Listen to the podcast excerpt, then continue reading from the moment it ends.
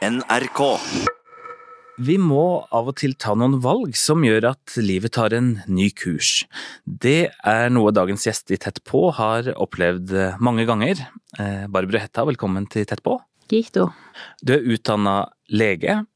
24 år gammel ble du den første kvinnelige samepolitiske rådgiveren for eh, kommunalministeren. I tillegg har du vært varaordfører, leder for Samisk språkråd, stilt til valg som visepresident i Idrettsforbundet, eh, og så har du hatt en rekke styreverv og er nå overlege i barne- og ungdomspsykiatri. Og så syns jeg jo det er litt gøy at du har en tredjeplass fra Frøken Norge på CV-en nå. Ja. det var en spennende opplevelse, men jeg skjønte fort at det misselivet ikke var noe for en eh, same fra Indre Finnmark. men da fikk du prøvd det, i hvert fall. Og så bor du nå i Harstad med mann og to barn. Da du kjørte for første gang eh, inn til Harstad, hjembyen din, og så at eh, det var skilta på samisk, hvordan var den opplevelsen?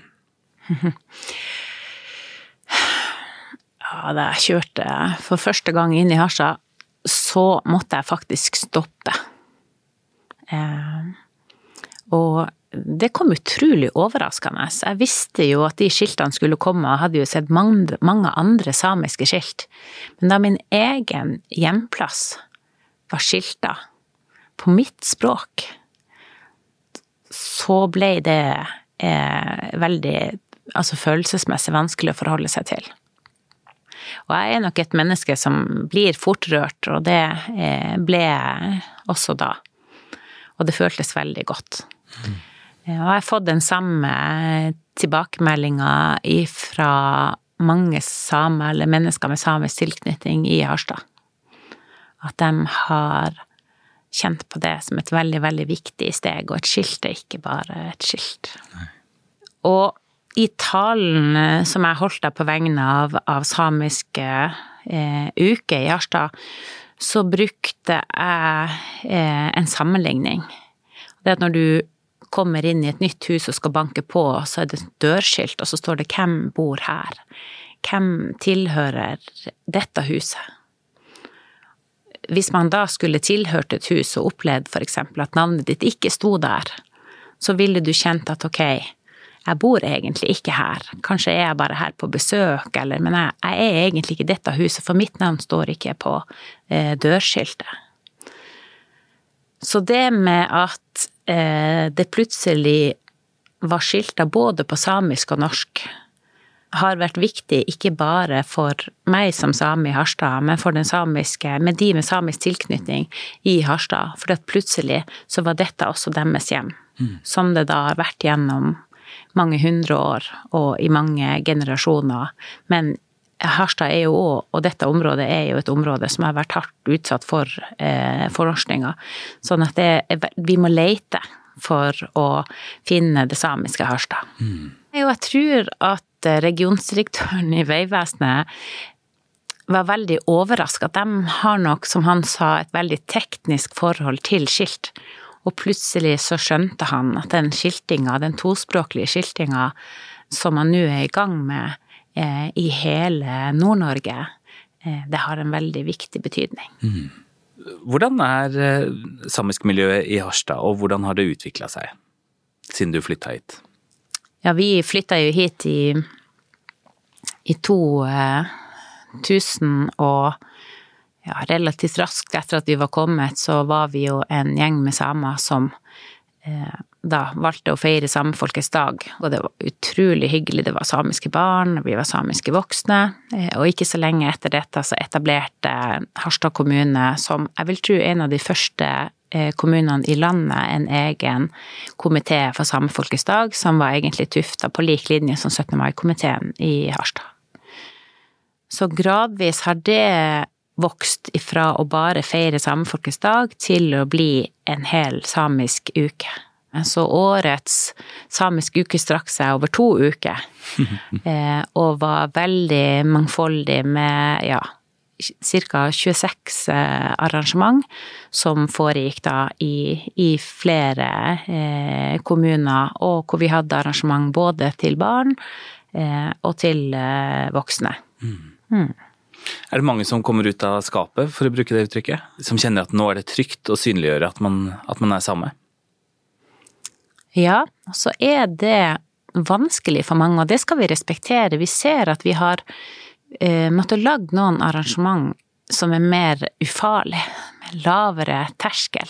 Vi har alltid et arrangement på torget, og da er det veldig lett for oss å se hvem som skyndte seg forbi, og hvem som sender litt sånne lange blikk og bare mm, det her er litt spennende, hvem kan det her være? Og for mange av de med samisk tilknytning i Harstad, så har kanskje det møtet på torget vært det første møtet, og så eh, starter de gradvis å tilnærme seg eh, sin samiske historie.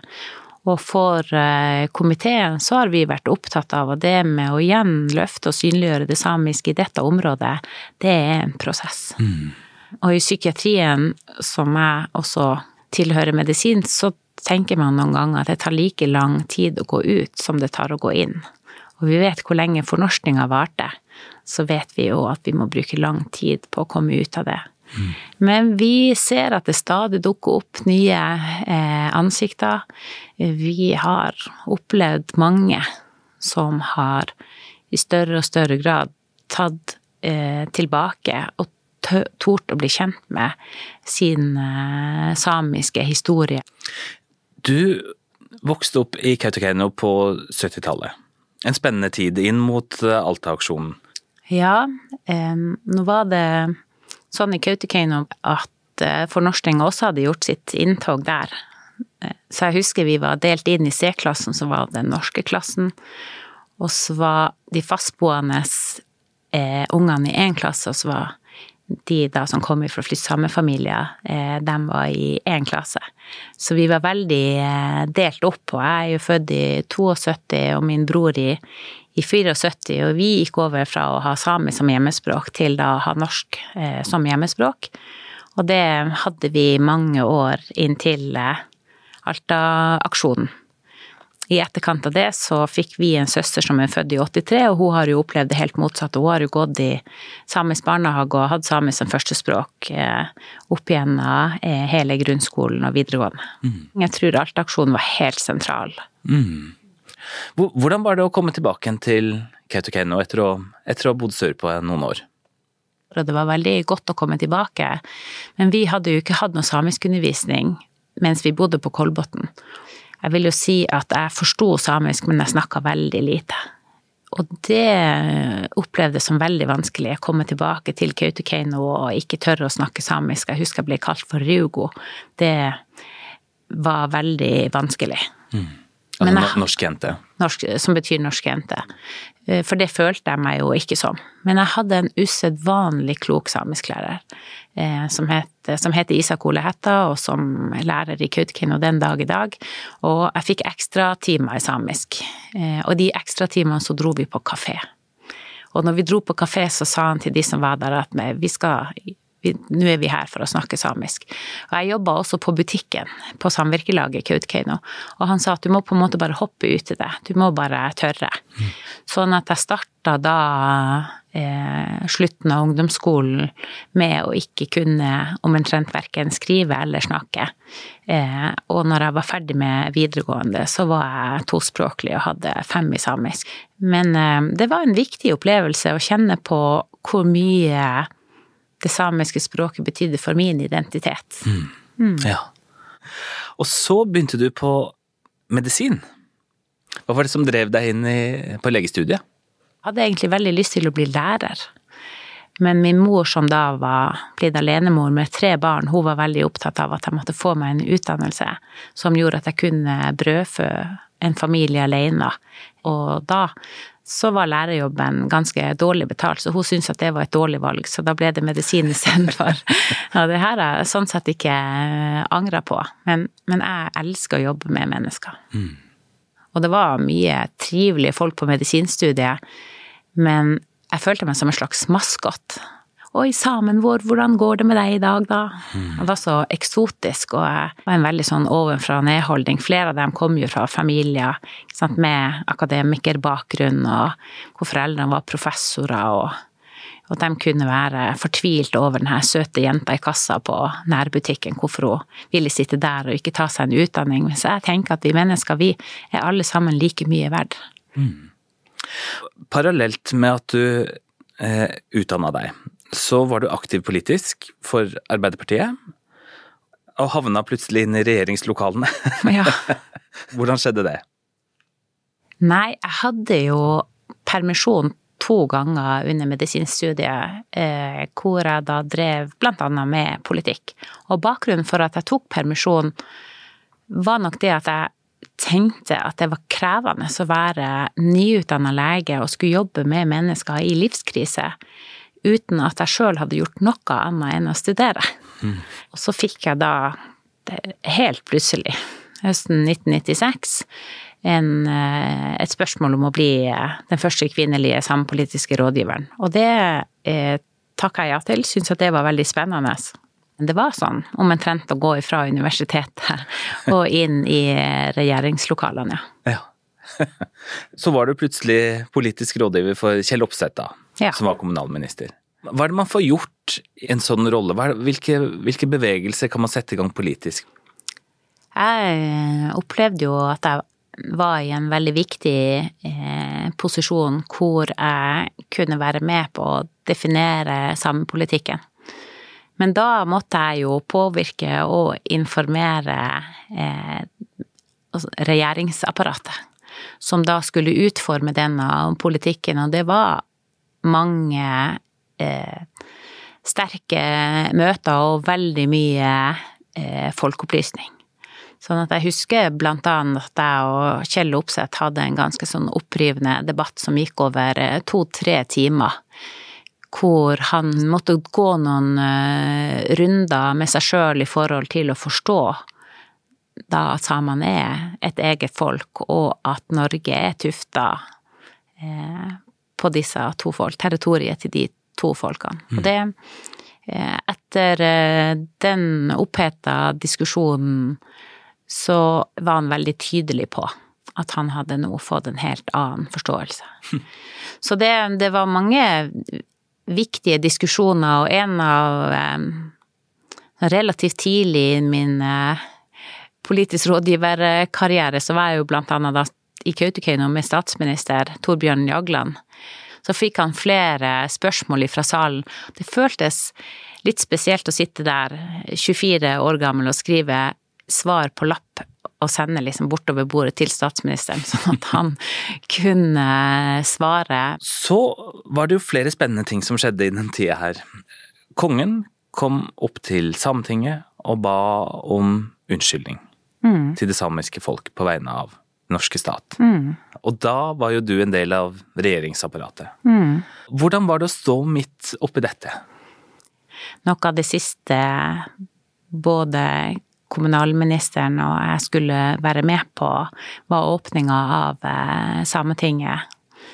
Og det å da høre kongen be det samiske folk om unnskyldning, det gjorde et veldig, veldig sterkt inntrykk på meg, og jeg vet òg at det gjorde et veldig sterkt inntrykk på eh, Kjell Opseth. Og det føltes som en veldig verdig avslutning eh, på den tida som vi hadde hatt sammen i regjeringsapparatet. Mm. Mm. Hva var det starten på? Altså hvor viktig eh, har det vært for, eh, for den politikken og de bevegelsene som vi har hatt i samfunnet videre?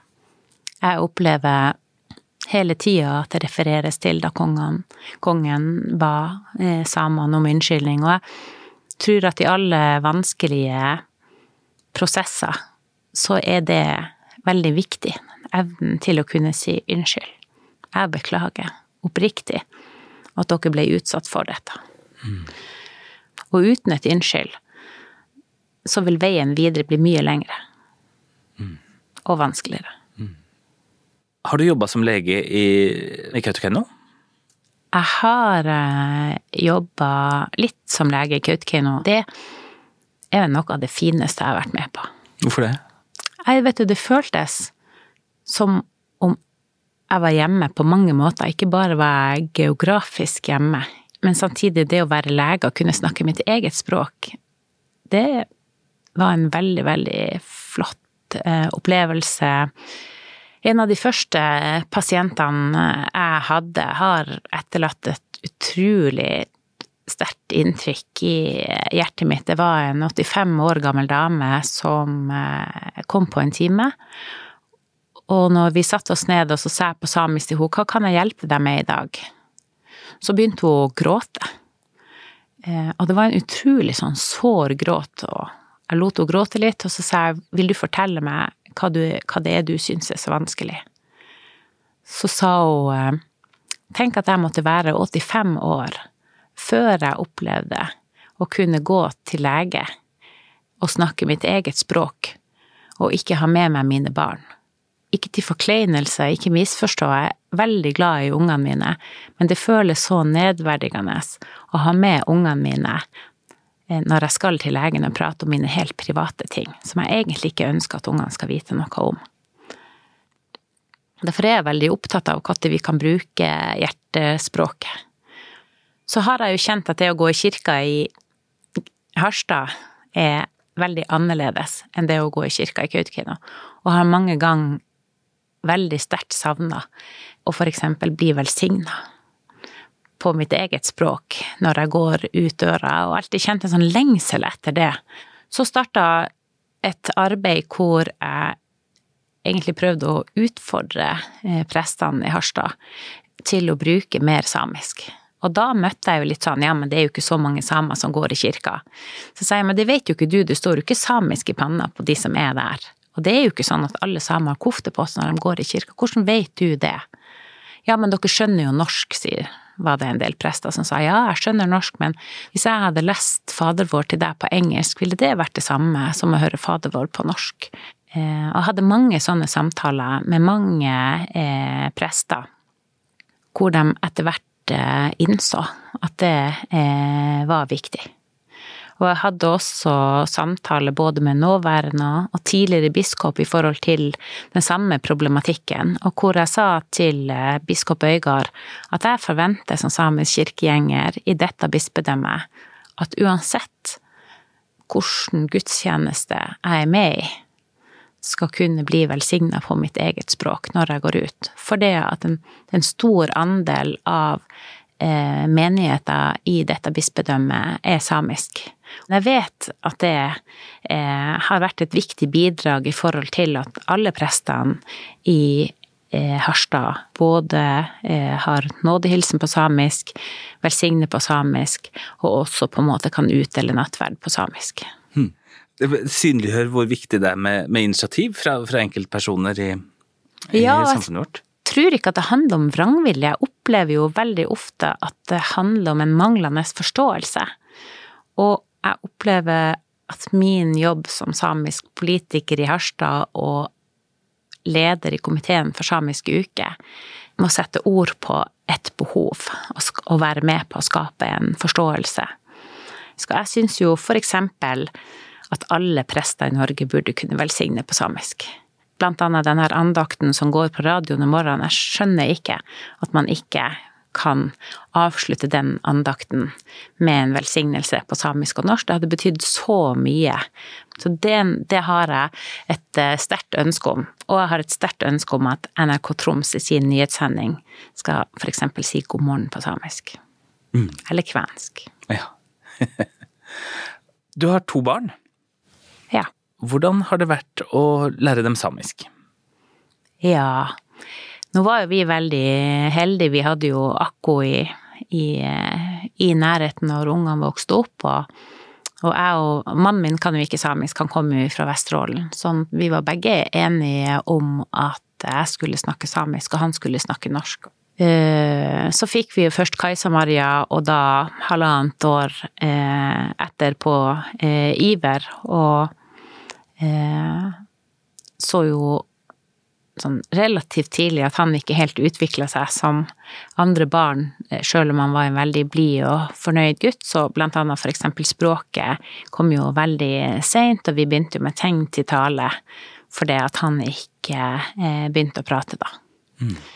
Um, og på et uh, tidspunkt ble han utreda på bakgrunn av det at språket kom veldig seint, og da eh, fikk vi en anbefaling i, i Tromsø da, at de anbefalte at vi hadde et, det de kalte for et sånn eh, mer sånn pedagogisk språk. Og jeg opplevde at habiliteringsavdelinga i Tromsø faktisk hadde en veldig god tilnærming til meg som tospråklig mor i dette, og, og min mann, da, for de sa at dere må sjøl velge hvilket språk som skal være hans hovedspråk, men vi anbefaler at han har et hovedspråk. Hovedspråket var jo mest hensiktsmessig at det var norsk, og det var utrolig vanskelig for meg at vi måtte legge bort det samiske språket som mitt og Ivers sitt hovedspråk, for det hadde det jo vært da. De var veldig forståelsesfulle og sa men, men, men du, eh, dere kan ha det samiske språket som et sånt hjertespråk, et sånt kosespråk, et sånt språk som du kan bruke når du trøster i disse situasjonene hvor man ikke trenger å være på en måte så pedagogisk. Mm. Og det gjorde det lettere. Altså i den perioden hvor han, hvor han fikk en diagnose, hvordan var det for deg? Ja, Altså, vi har noen sånne forventninger til hvordan livet skal være, og også til hvordan barna skal være. Og så plutselig så oppdager man at sånn er det ikke. Jeg husker veldig godt vi var i Tromsø, eh, og vi fikk tilbakemelding om at de hadde testa han, og, eh, og, at han da hadde forsinka utvikling. Eh, og han var veldig opptatt av Kaptein Sabeltann, og han hadde aldri tatt buss. Og vi skulle ta buss for første gang, jeg og han da, til byen for at han skulle kjøpe en Kaptein Sabeltann-film. Og jeg var bare dypt ulykkelig. Jeg tror aldri jeg har vært så lei meg noen gang som da jeg satt i den bussen, og han var så glad. Eh, og akkurat den opplevelsen der når vi tok buss, den eh, var viktig for meg noen uker etterpå, da jeg gikk rundt med en veldig sånn sterk sorg i forhold til at livet ikke ble helt sånn som jeg hadde tenkt. Og jeg bekymra meg veldig for ja, hvordan det skulle gå med han, eh, hva skjedde hvis, eh, hvis foreldrene døde, hvem skulle ta vare på han, hvordan ville fremtida hans bli? Eh, og da tenkte jeg på den episoden hvor han var så glad, og jeg var så trist, og så slo det meg jo plutselig, men det er jo bra at han er glad, for dette handler jo om han. Det er jo hans liv, og det er hans drømmer, og det er jo han som skal ha det bra. Det er jo ikke jeg som skal ha det bra, dette på en måte handler jo om han. Og han var ikke kommet til verden for å oppfylle mine drømmer. Men han var på en måte et eget individ som på en måte skulle leve et eget selvstendig liv. Og den eh, erkjennelsen gjorde det mye lettere å gå videre eh, når vi etter hvert begge da ble enige om at det var det som skulle være vår jobb som foreldre. Mm. Å støtte han eh, og gi han muligheten til å bli den han ville være. Mm. Hvordan er livskvaliteten hans nå, da? Han Iver er jo en ekstremt blid eh, og flott gutt. Og eh, han er jo blitt sånn ganske god på terningkast. Så det bruker vi som et sånt barometer på hvordan livet er. At det er mye terningkast seks. Oh, ja. ja. ja, det er jo råbra. Ja. Er det noe som vi burde ta tak i i, i Sápmi nå? Ja, mange av de jeg treffer med samiske tilknytning, har jo kanskje akkurat funnet ut at de har samisk eh, historie eh, og kultur i, i, sin slekt. Og mange av dem syns at det kan være veldig vanskelig og veldig skummelt. Og hvis bare bestemora mi snakker samisk, er jeg same da, eller, og er samisk nok? Og jeg skjønner viktigheten av at vi i det samiske samfunnet skal verne om det samiske, både språket og kulturen. Samtidig så tenker jeg at vi må kunne være rause. Vi må kunne være rause i forhold til de som nå skal prøve å ta igjen det tapte. Vi må tørre å la dem feile, sy en feil søm. Kanskje av og til bruke en hue som ikke er helt rett i forhold til den kofta, eller vi må ta dem imot, og vi må gjøre dem trygge, og så må vi kunne veilede dem på en god måte. Og det er lett å sitte med en sterk identitet og vurdere eller å dømme, men eh, jeg ser at det er tøft for de som nå skal prøve å tilnærme seg det samiske og føle at de er bra nok. Mm. For at de føler at de blir vurdert og dømt. Og at det gjør at også noen ikke tør å nærme seg det samiske, fordi at de er redd for at de ikke skal være bra nok eller samisk nok. Barbro Hetta, tusen takk for at du var med i Tett på. Tett på fra NRK Sápmi er produsert av En til En Media.